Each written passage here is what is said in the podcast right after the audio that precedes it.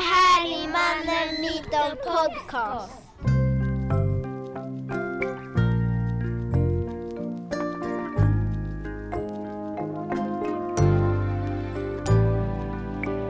Det här är Mannen Myten Podcast. En serie som totalt nördar in sig i manlighet. Är den manliga Terminator-arketypen bara en myt? Och i så fall, hur förhåller sig olika grupper av män till den? I den här podden lyssnar vi på mäns berättelser. Med hjälp av de smartaste tänkarna vrider och vänder vi på mäns erfarenheter och försöker förstå sambandet mellan det personliga och det strukturella. Målet är att hitta nya perspektiv så att vi kan komma framåt och förändra manligheten till det bättre för fler. Jag heter Shaba Ahmadian och är den ena av två programledare. Och jag, Svante Tidholm, är den andra. Vi är en del av Arvsfondsprojektet Mannen Myten på organisationen Män. För jämställdhet och mot våld.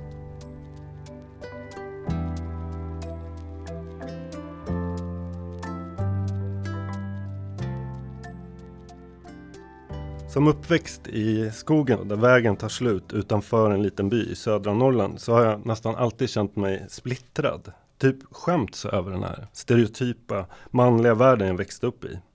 Samtidigt som jag vet och har märkt att många från storstaden tycker det är exotiskt när man drar stories om att man körde moppe och fiskade och eh, jagade och så. Och jag tycker det är en väldigt fin balansgång för vad som är coolt och vad som är töntigt. Men det här är ju inte en fråga om min status, huruvida jag är cool eller töntig. Det är ju faktiskt en fråga om makt och möjligheter i livet. När vi pratar om män utanför storstäderna så är det en kluven bild. Dels av en machoman som vi är rädda för, typ jägarna. Men det är också en maktlös, hunsad man. Någon som är korkad och löjlig, typ som någon i pistvakt. Sen är det ju så att vi faktiskt alla kommer från landsbygden. Bara för några generationer sedan så var vi nästan alla lantisar och bönder. I grunden tycker jag det känns som att det finns en myt om att männen utanför storstan är konservativa, bakåtsträvande machofigurer, typ rasister, homofober och misogyna. Stämmer det här? Och i sådana fall, hur ska vi förhålla oss till det? Vem är det som har makten över de här bilderna och vem definierar vem som är bra eller dålig? Det här ska vi prata om idag.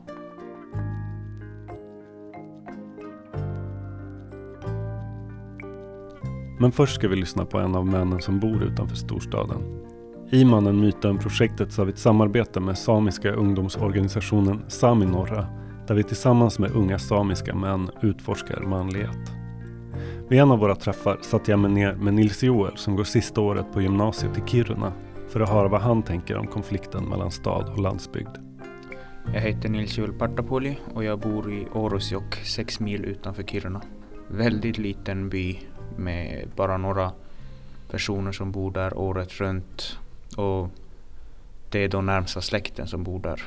Orosjok på samiska heter Orosjohka som betyder bojocken eller liksom hemjocken. Hur är det att bo där? Uh, det kan vara ensamt och lite segt ibland men det är där jag trivs bäst. Hur har du känt då när du har växt upp som kille? Har du känt dig fri att välja vem du har velat vara? Liksom? Jo, det tycker jag. Det är bara i Kiruna då, där jag har gått skola som, eh, som jag har försökt anpassa en identitet. En annan slags identitet ska jag säga. Eh, det var värre när jag var liten. När jag var yngre och kom in i puberteten. Men sedan har jag växt ur det och anpassat min egna identitet som jag följer. Och det har alltid varit så att när man är hemma och när man är i eh, när man är då som på Gärden i våran sameby och eh, arbetar bland folk jag har växt upp med så har jag alltid varit det är då jag tycker att jag har varit mig själv. Medan i skolan och i stan har man fått vara någon annan. Mm. Kan du beskriva hur samiska män skildras i mainstream media och kultur? Eh, vi exotifieras helt klart. Mm. Man visar bara upp det här sköna, eh, exotiska, rensköta livet. Där eh, rensköta får köra runt på skoter och kikra lite och njuta i solen. Man behöver inte oroa sig för någonting. Sen har man några bilder på ett gärde där de kastar lasso och dricker kaffe och de mår bra. Och så vidare och så vidare. De har makten att klippa och redigera hur de vill och säga vad de vill. Och det kommer ändå gå igenom. Man kan aldrig visa det svåra och det tunga som medföljer ett renskötarliv och särskilt ett samiskt liv som minoritet. Mm. Uh, ibland känns det som att man använder så här, uh, alltså att den här splittringen mellan storstad och det som inte är storstad som ett sätt att så här, uh, göra sig rolig på folk. Vad, vad tänker du om det? Jo, det finns absolut. Och eh, det går åt andra hållet också. Det är eh, by, bymän som driver med stadsmän och inte bara åt andra hållet. Och det har jag också varit skyldig av. Jag har också retats med stadsmänniskor. Men skillnaden är väl att eh, många, de flesta i byar och småstäder har ju inte tillgång till att göra tv och film och skriva i tidningar om sina skämt. Ja, du tänker så? Ja, att det är någon slags orättvisa där liksom. Mm, jo, jo det, ty det tycker jag. Jag tänker att den allra, så här, en av de största skildringarna av män utanför storstaden som finns, som, som jag satt en jättetydlig bild. Mm. Det är ju den här filmen Jägarna till exempel. Och den visade ju upp en ganska obehaglig bild av män i Norrland. Mm. Jo, det finns absolut.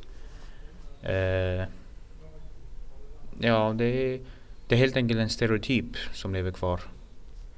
Och eh, det kan vara jobbigt för eh, folk i städer. Eh, när jag var yngre brukade man retas och säga att, att jag gjorde alla möjliga konstiga saker i byn där ingen kan se igen. Och, men det har lyckligtvis växt bort lite. Vad har du för fördomar om män ifrån Stockholm till exempel? Det är väl lite det här med fåfänga tycker jag. Men det, det tror jag rotar mer i i, eh, i min kultur då. Att eh, man är mer händig av sig. Man är inte så man är inte så fåfäng helt enkelt. Man kan göra olika jobb. Eh, och man lär sig många, många saker att göra.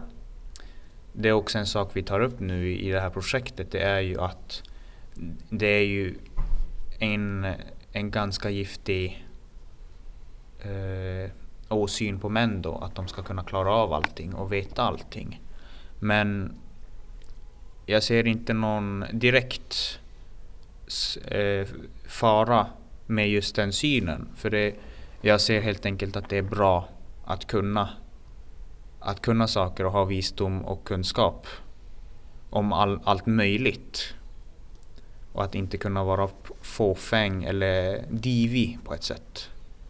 Det kan kännas igen från män i storstäder. Och för att förstå mer om mannen utanför storstan har jag bjudit in två gäster. Och den ena är faktiskt min bror, Po Tidholm. Hej. Hej. Det känns konstigt att bjuda in sin brorsa till, ett, till en podcast. Här, men du är ju faktiskt eh, eh, en relevant gäst för det här. Du har skrivit två böcker om Norrland och glesbygdsfrågan och du har gjort en tv-serie som heter Resten av Sverige. Du har kommit att bli lite av en expert på allt det här som inte är storstäderna, speciellt norra Sverige. Eh, men jag undrar som min första fråga varför du går igång på de här frågorna. Och känner du igen dig i min inledning här? Ja men det är väl såklart, alltså, vi har ju samma eh, bakgrund i samma hus där vägen tog slut. Och det, det där spelar jättestor roll. Eh, och också i, menar, särskilt i förhållande till manlighet så fanns det ju en väldigt eh, vad ska man säga, en väldigt rigid, väldigt gammalmodig, väldigt eh, liksom enhetlig idé om vad en man var i den miljö där vi växte upp. Ju. Så det har ju påverkat mig jättemycket. Men sen är det ju också den här erfarenheten av att växa upp. Då vi växte upp utanför en bruksort som dukade under kan man säga under 90-talskrisen där eh, kring 92 eh, och verkligen genomgick liksom ett stålbad och inte har repat sig. Och det har påverkat mig jättemycket också och fått mig att fundera på vad som händer rent strukturellt, ekonomiskt, eh, sociokulturellt med den miljön eh, som, som jag kommer ifrån. Så är det ju. Mm. Känner du igen dig i den här bilden av att, liksom, att, att, att manligheten, den här manligheten som vi växte upp i, ibland är någonting coolt och ibland är någonting tantigt. Som man liksom... Ja men absolut, och du har ju helt rätt i, i, i just det här att, att, den, att den på ett fysiskt plan, alltså så som den här manligheten manifesteras på ett fysiskt plan, så, så kan den ju ses som en maktfaktor. Det är muskler och det är vapen och det är eh, snabba fordon. Eh, och det är en typ av eh, fysisk makt. Då. Eh, men, men rent strukturellt och klassmässigt så, så är det ju så, så, är ju den här gruppen män väldigt maktlösa. Och det där måste man ju på något sätt balansera. Och det där tycker jag det finns en väldigt låg medvetenhet om. Om man tänker på liksom hur, den här, hur de här bilderna reproduceras i media och populärkultur och i litteratur och sådär. Så, så tycker jag att hela tiden att jag blir påmind om hur, hur lite folk vet och hur man blandar ihop den här fysiska makten med den, med den strukturella under, underordningen. Liksom. Men du springer så fort, om vi backar lite, jag är ja. lite hård mot dig, du ja, är min ja, brorsa så jag kan kosta på mig det. Men alltså, finns det sammanhang där du så skäms över det du har växt upp i? Nej. Finns det något sånt exempel där du bara så hoppar över det lite grann? Nej, nej, nej, men det har nog att göra med min egen känsla. Alltså så här, jag skulle nog säga att, eh, att jag personligen har mer, alltså det här, det här går ju verkligen och, och det här går ju verkligen att diskutera värdet, värdet i. Men, men att min känsla är ju att jag eh, nu för tiden framförallt är medelklass. Alltså mycket mer än, än att, eh, mycket mer än jag är man eller mycket mer än att jag kommer från norra Sverige kontra en annan miljö. Så är jag liksom en, en medelklassperson med privilegier och makt.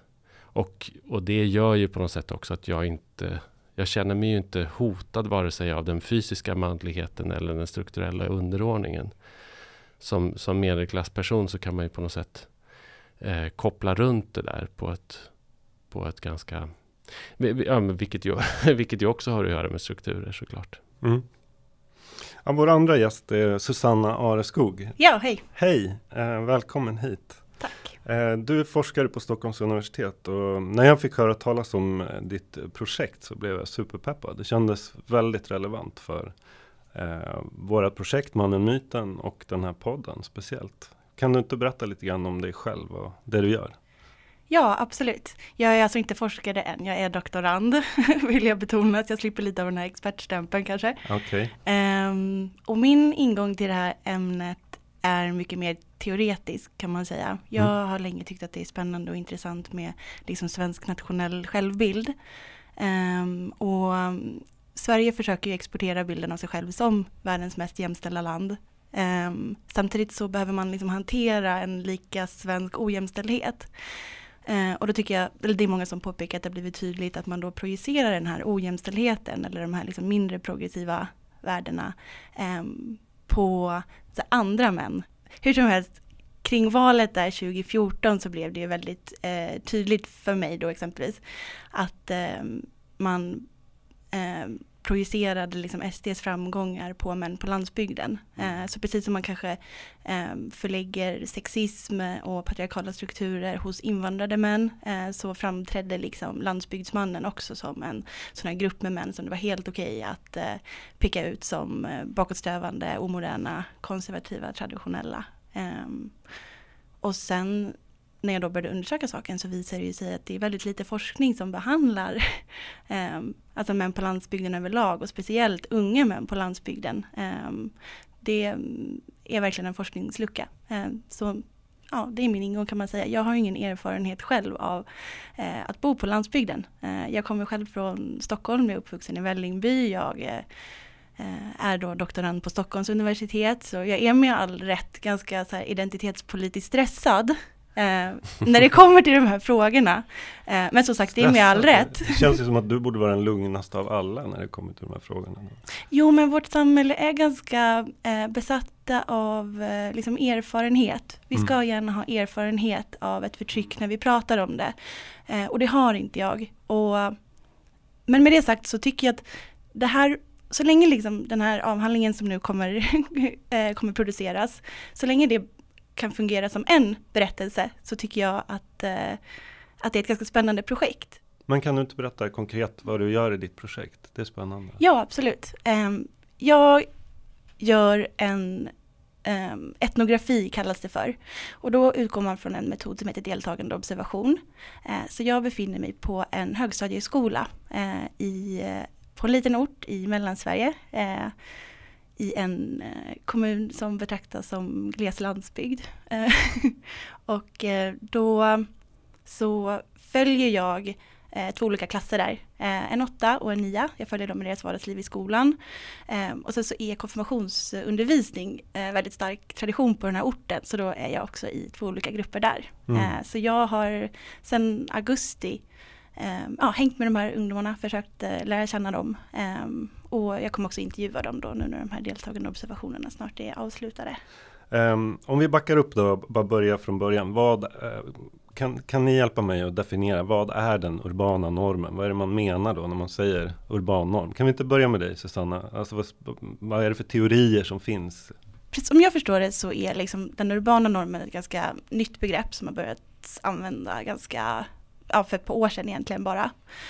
Um, och det är liksom ett mångfacetterat begrepp som sätter fingret på mycket saker. Eh, dels då exempelvis staden som liksom oreflekterad utgångspunkt hela tiden när det kommer kanske till media och när det kommer till politik. Eh, men den urbana normen, det som är bra med den är att den också eh, den förklarar någonting om våra mer liksom djupgående föreställningar om var det går att leva ett gott och lyckligt och framgångsrikt liv. Ehm, för staden får idag liksom stå för, som symbol för sånt som värderas i vårt samhälle. Som möjligheten att utbilda sig och göra karriär, bo bekvämt, ha närhet till ett stort kulturutbud, eh, möjlighet till konsumtion och sådär. Eh, och eftersom att normen ehm, är liksom beroende av det som tänks vara dess motsats, alltså avvikelsen, så blir landsbygden i relation till staden så förstås den som liksom underutvecklad, eh, som platser där tiden har stått still.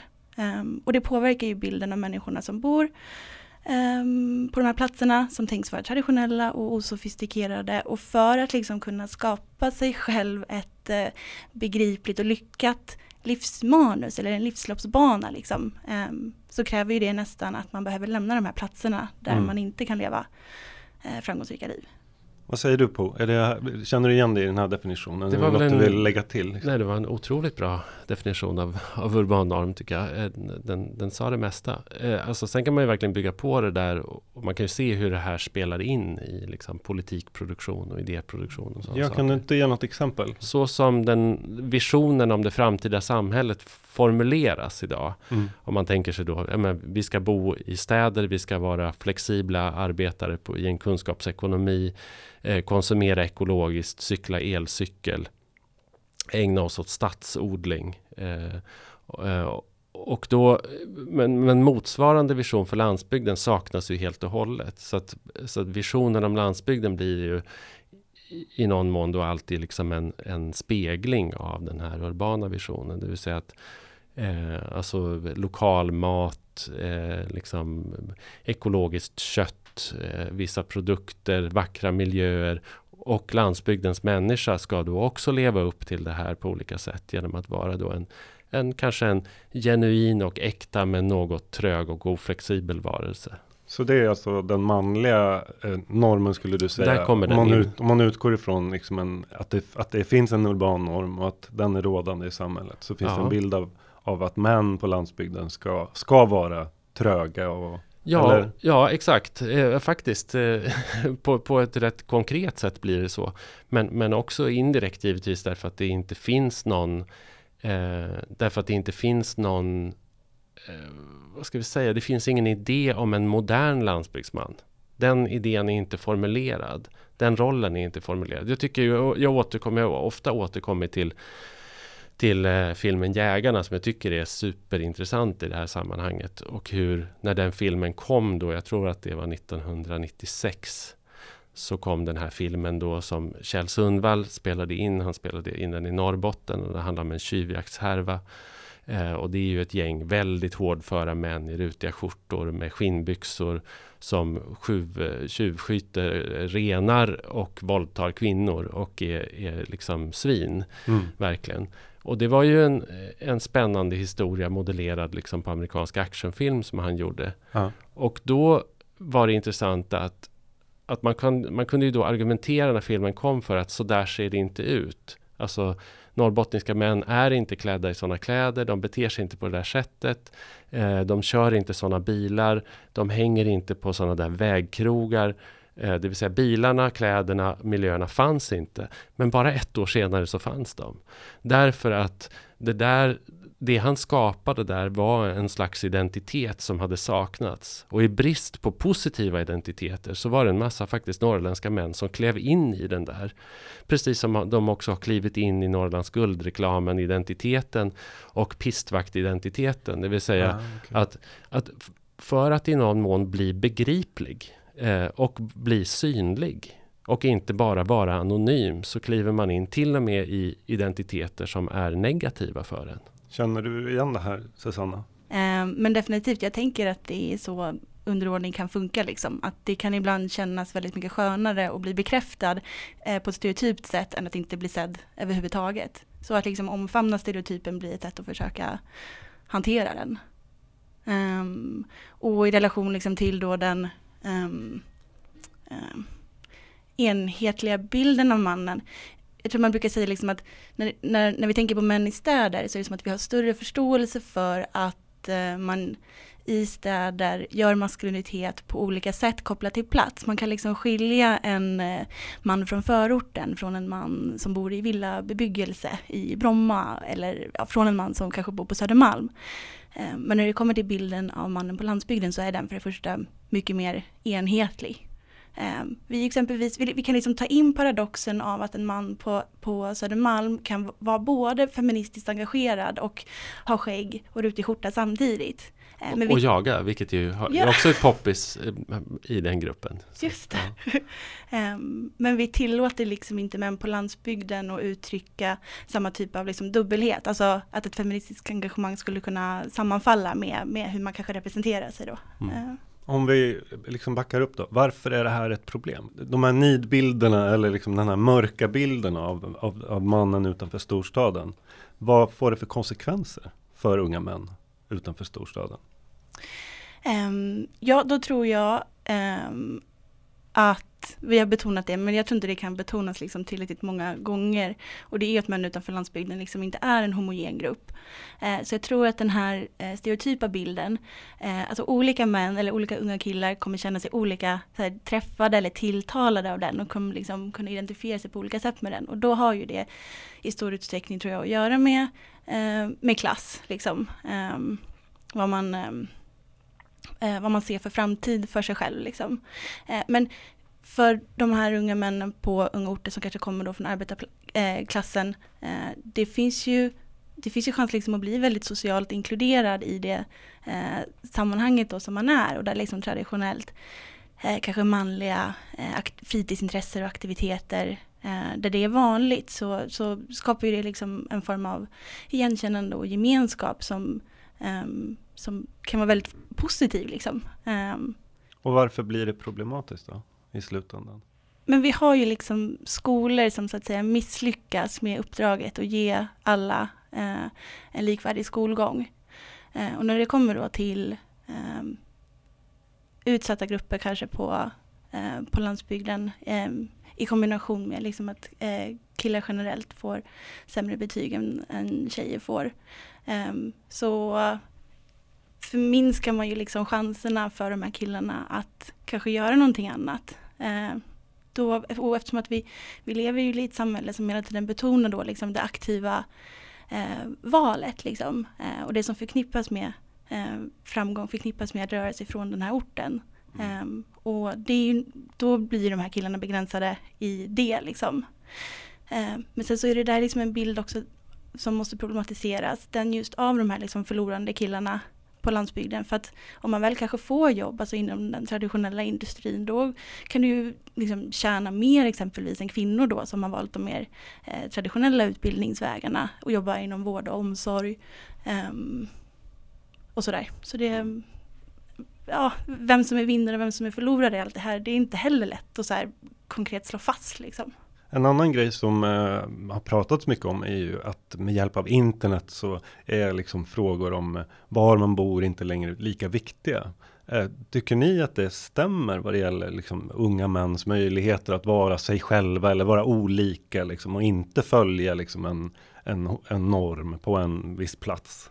Alltså det finns ju en, en massa eh, teoretiska möjligheter till delaktighet såklart. Eh, men sen beror det ju jättemycket på vem man är och vilka impulser man får och liksom vilken kontext man verkar i eller liksom vad som är okej okay i det sammanhanget. Och så där.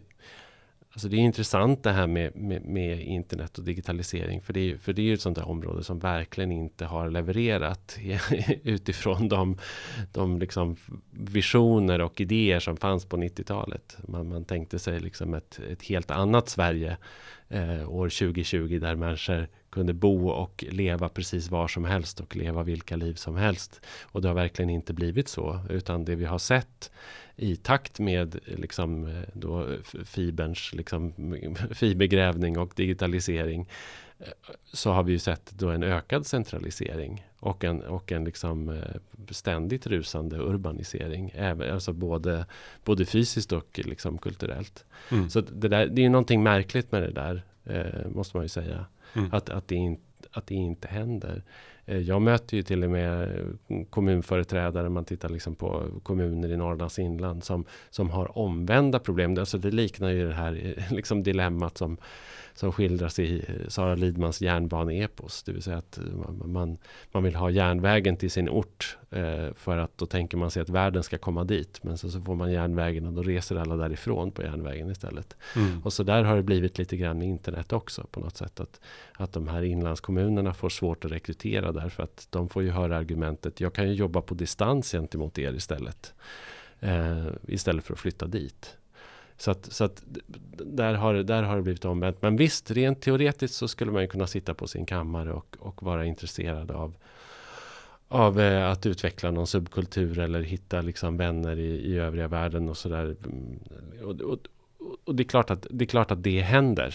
Eh, men det tråkiga är ju också att när det händer så etableras ju kanaler och, och kontakter och nätverk som gör att man, att man lämnar och flyttar till där det där nätverket är som starkast rent fysiskt så fort man kan. Mm. Så att internet är ju snarare en väg ut ur landsbygden än en väg till landsbygden så som det ser ut nu. Mm.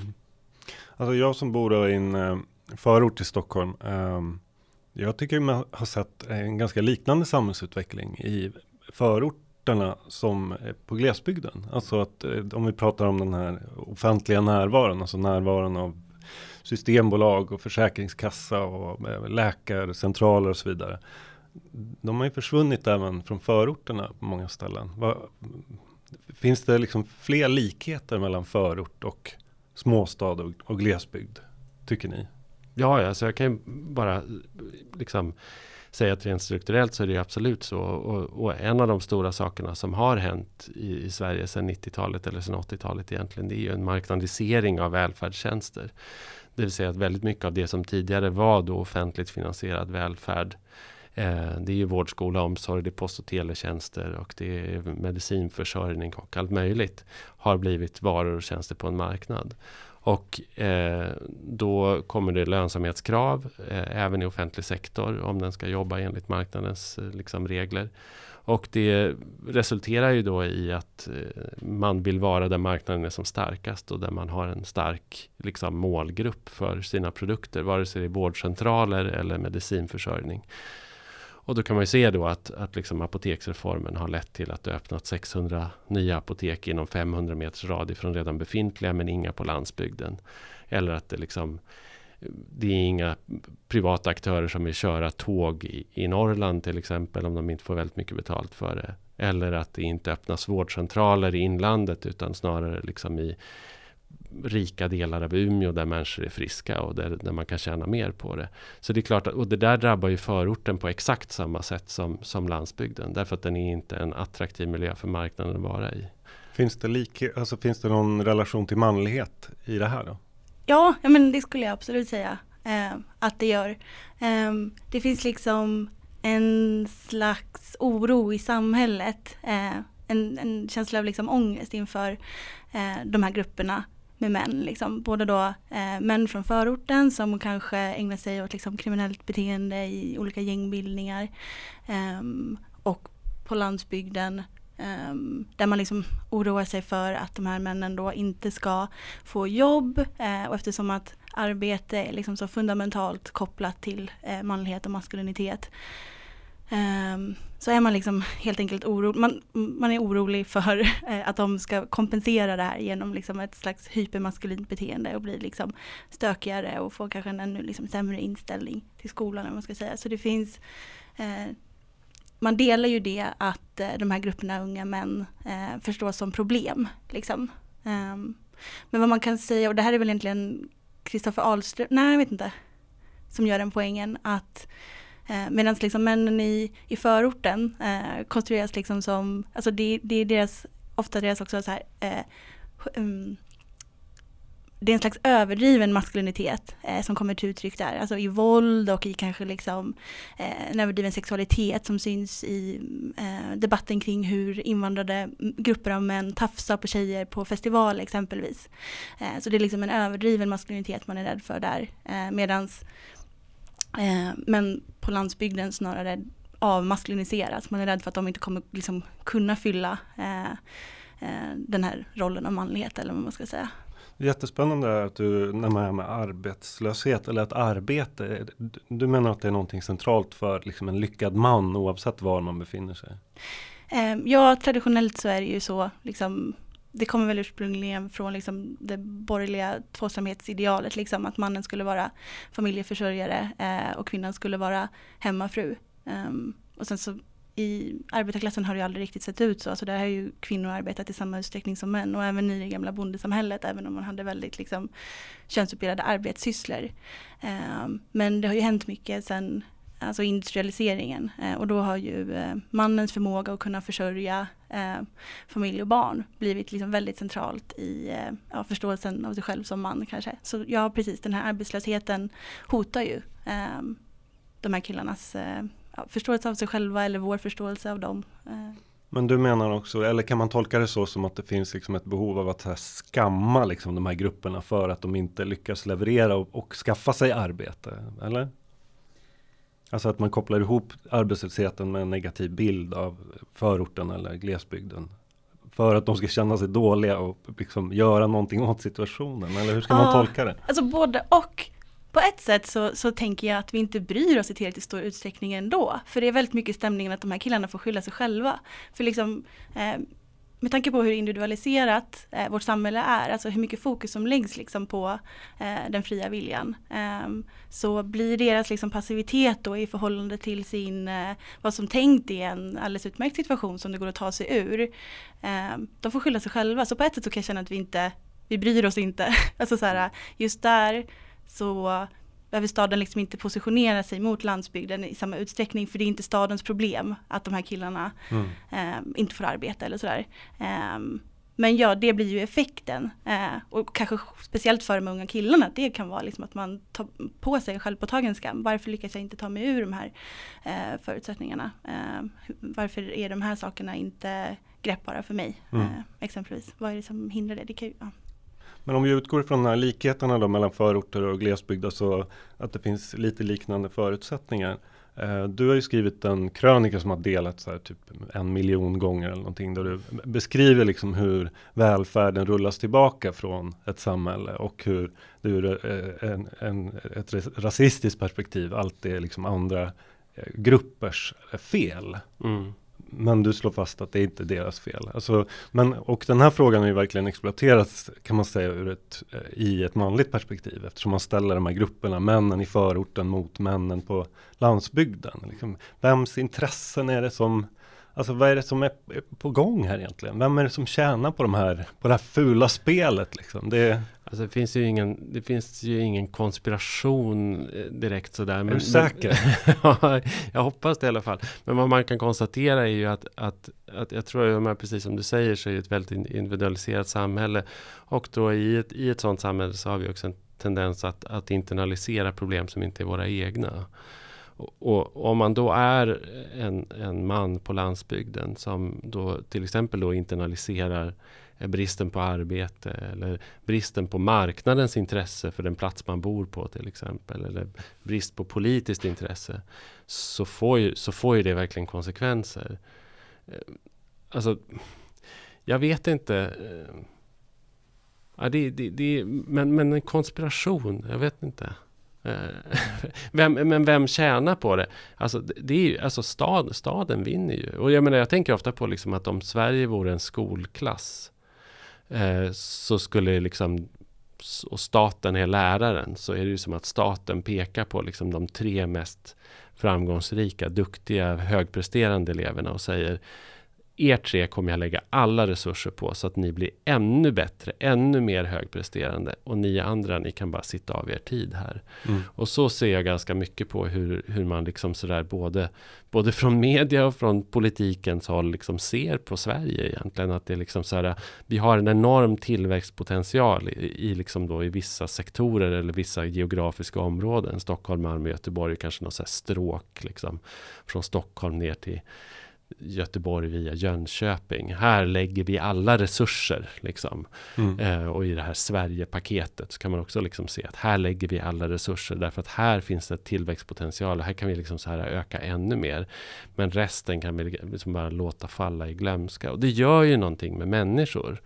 Och det, och det, är, där, det är där någonstans man måste landa. Och det är därför den här liksom, analysen som du gjorde efter valet 2014, den kan liksom bli ännu värre än valet 2018. Eh, och särskilt om vi då utgår ifrån hur hur då eh, framförallt då män på landsbygd har röstat i Brexit-omröstningen, i, i Trump-valet, eh, i Frankrike på Le Pen eller i, i, Tyskland på Alternativ för Deutschland eller, eller, eller vad du vill. Så, så har du då liksom en ganska stor grupp människor som inte känner sig inkluderade i det här och, då, då, måste man, och, det här, och det här är också superknepigt därför att de känner sig inte inkluderade i det här stora urbana liberala paketet som innefattar då en mängd saker som vi upplever som väldigt positiva.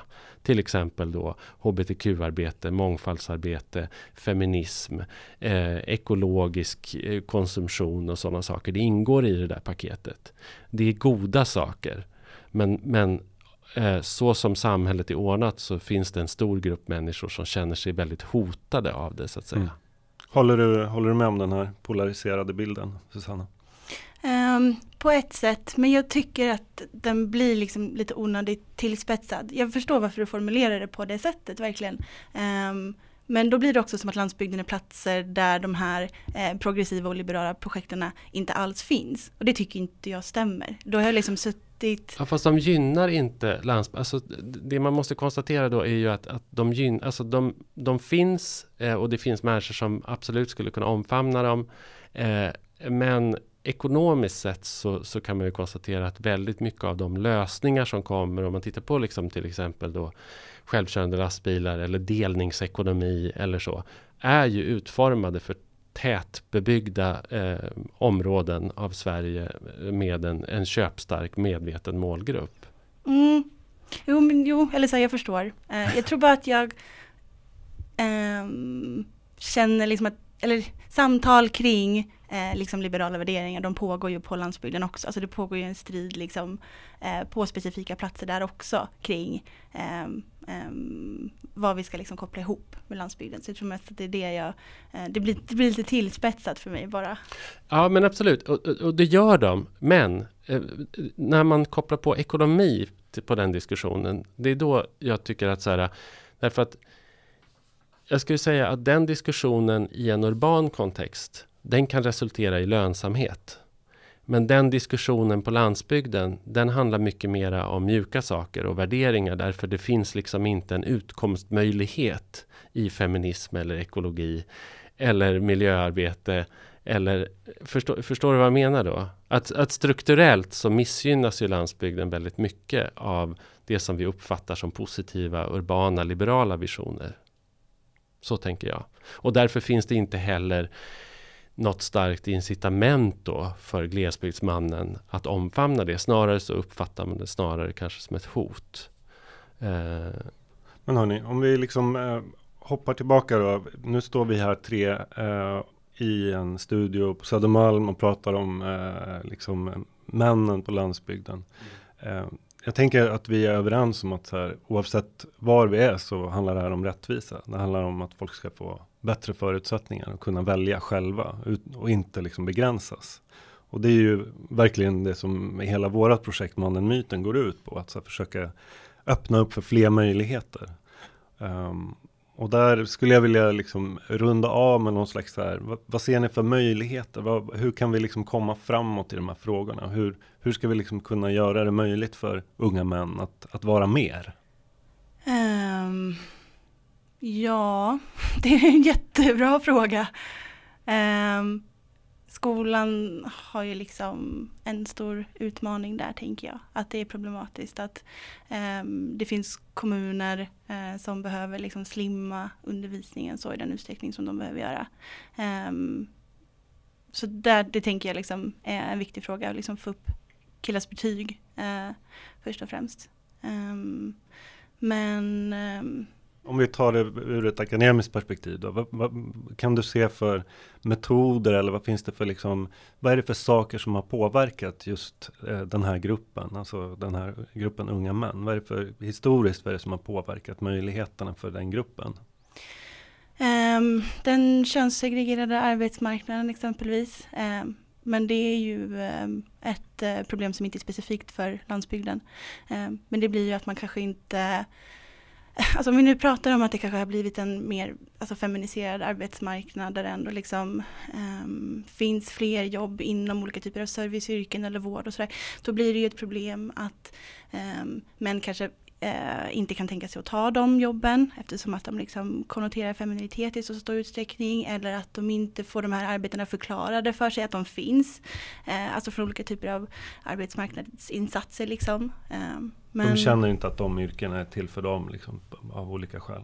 Um, ja, precis. Eller där visar väl forskning att män tar till olika strategier, eh, alltså i relation till arbetslöshet. Och medan vissa inte kan tänka sig att ta sådana här feminiserade arbeten så finns det ju andra um, som, som gör det, liksom, som, som agerar annorlunda under samma förutsättningar. Mm. Uh, men det är väl en sån sak. Du då Po, vad tror du kommer liksom eh, göra det möjligt att vara man på fler sätt? Alltså, jag vill ju alltid gå den långa vägen. Men jag, jag tänker, alltså, det, måste, det måste ju liksom uppstå ett det måste ju uppstå ett mycket starkare politiskt intresse för, för olika miljöer i Sverige. Och, och eh, liksom ett... Alltså det finns en enorm resursbrist eh, i både liksom landsbygd och i förorter. Som man måste komma till bukt med. Eh, och det, det är det första. Ekonomiska resurser? Ja, faktiskt. Mm. Alltså att man måste tillföra ekonomiska resurser. Rusta upp välfärden igen. Se till att det finns bra skolor och, och att man inte hela tiden då anför till exempel jag menar, nu stänger vi den här skolan för att den är för stökig eller nu stänger vi den här skolan för att den är för liten utan att bortse för, från liksom varför den har blivit stökig eller varför den har blivit för liten till att börja mm. med. Så du, vill, du tänker att ett rättviseperspektiv liksom ja. kommer även lösa liksom problemen ja, men som faktiskt, finns? Därför att, därför att eh, ökad rättvisa är också lika med ökad värdighet. Och ökad värdighet är, är också en, liksom, faktiskt en befrielse av individen, skulle jag säga. Så att det, det, är den långa vägen helt enkelt. Vi måste gå den långa vägen där. Ja, men uh, du var inne på det här lite grann förut på, och du också Susanna, om att det kan vara mera frestande att anamma en destruktiv eller negativ identitet än att inte ha någon alls. Eh, finns det något hopp eh, liksom i den här riktningen? Alltså kan vi skapa nya identiteter för män utanför storstaden? Eller, och hur ska det gå till? Ehm, ja, det tror jag absolut att det kan. Jag vet att det, det finns en doktorand som heter Sara Forsberg exempelvis, som eh, eh, hon har gjort fältarbete i Kiruna. Eh, och hon pratar om de här unga männen och deras vilja att stanna som ett liksom, aktivt motstånd mot den urbana normen. Liksom. Eh, och då drar de ofta på resurser som, eh, ehm, som gör att de inkluderas i, i samhället, liksom, att de eh, ses som liksom, eh, framtidshopp där. Eh, så det tror jag definitivt. Och då, vad som händer då är ju att det, det tenderar i och för sig bli liksom, maskulina aktiviteter och sådär som betonas. Du kanske är framgångsrik på sport eller ehm, ja, men du vill arbeta kvar på, på orten för att du gillar maskiner, du vill arbeta med ditt fritidsintresse. Liksom. Um, men i och med att det formuleras som eh, liksom en slags kampvilja till att stanna eh, så tänker jag att det, och att det också då tas emot väl av, av eh, eh personer på orten, så tänker jag definitivt att det kan finnas. Även om det då samtidigt finns liksom problematik med det eftersom att kvinnorna kanske inte i samma utsträckning kan eh, ta till sig det, alltså inte kanske kan finna samma formen av gemenskap för att det är traditionellt saker som inte tjejer ska pyssla med. Mm. Och du på, du, du skriver ju mycket om kultur och men, jägarna här var ju ett exempel på hur kultur kom att liksom ändra hela beskrivningen av eh, identiteterna för män på, på landet. Jag tänkte, kom att tänka på fucking Åmål som en annan så beskrivning faktiskt av den så här tafatta, liksom töntiga mannen på, mm. på, i småstaden liksom. Men, men kan du se några positiva Skulle en ny film kunna komma som ja. skulle liksom definiera nya roller för män ja. på landet? Eller? Ja, det, alltså det är jätteintressant. De där filmerna kom ju nästan samtidigt. Mm. Och, det, menar, och det är också, de är också varandras spegelbilder. Därför att för kvinnan var ju då under den perioden, alltså den här instängda småstadsmiljön eller landsbygdsmiljön. Då var det liksom så här Alltså frigörelse, egenmakt, eh, vidga, spränga gränser och sen fly. Liksom. Men för männen var det på något sätt då tvärtom. Alltså stänga in sig, barrikadera sig i sin gamla manlighet. Och det där är väldigt dystert. Men, men det visar ju också på sprängkraften i bilder och i berättelser. Så att det skulle ju mycket väl kunna komma någonting annat.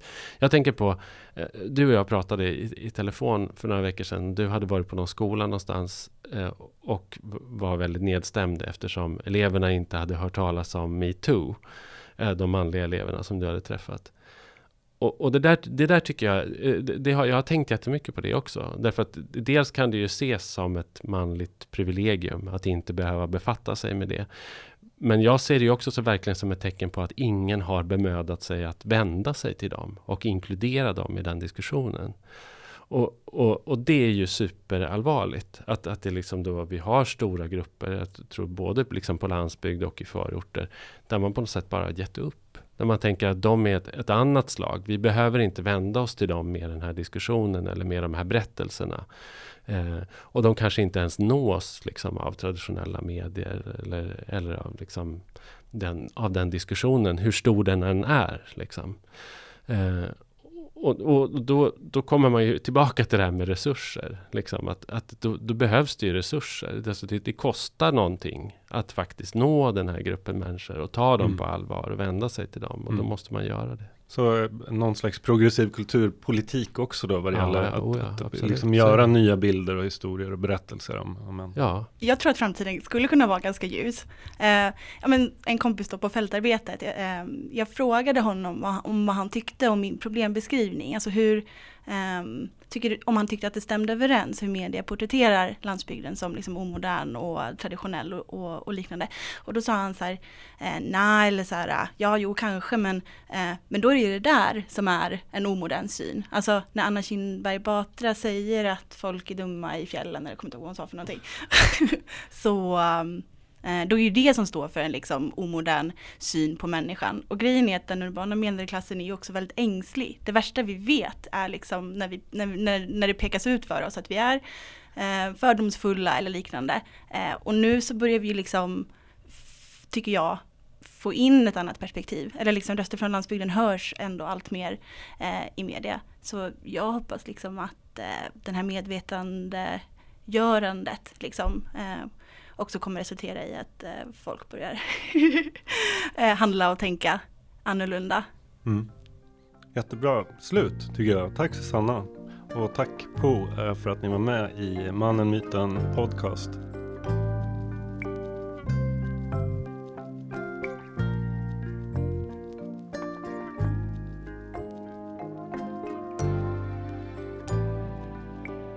Du har lyssnat på ett avsnitt av Mannen, Myten Podcast. Vi är en del av organisationen Män och är finansierade av Arvsfonden. Podden är producerad av Åsa Secker på Soundtelling. Tack för att du lyssnade.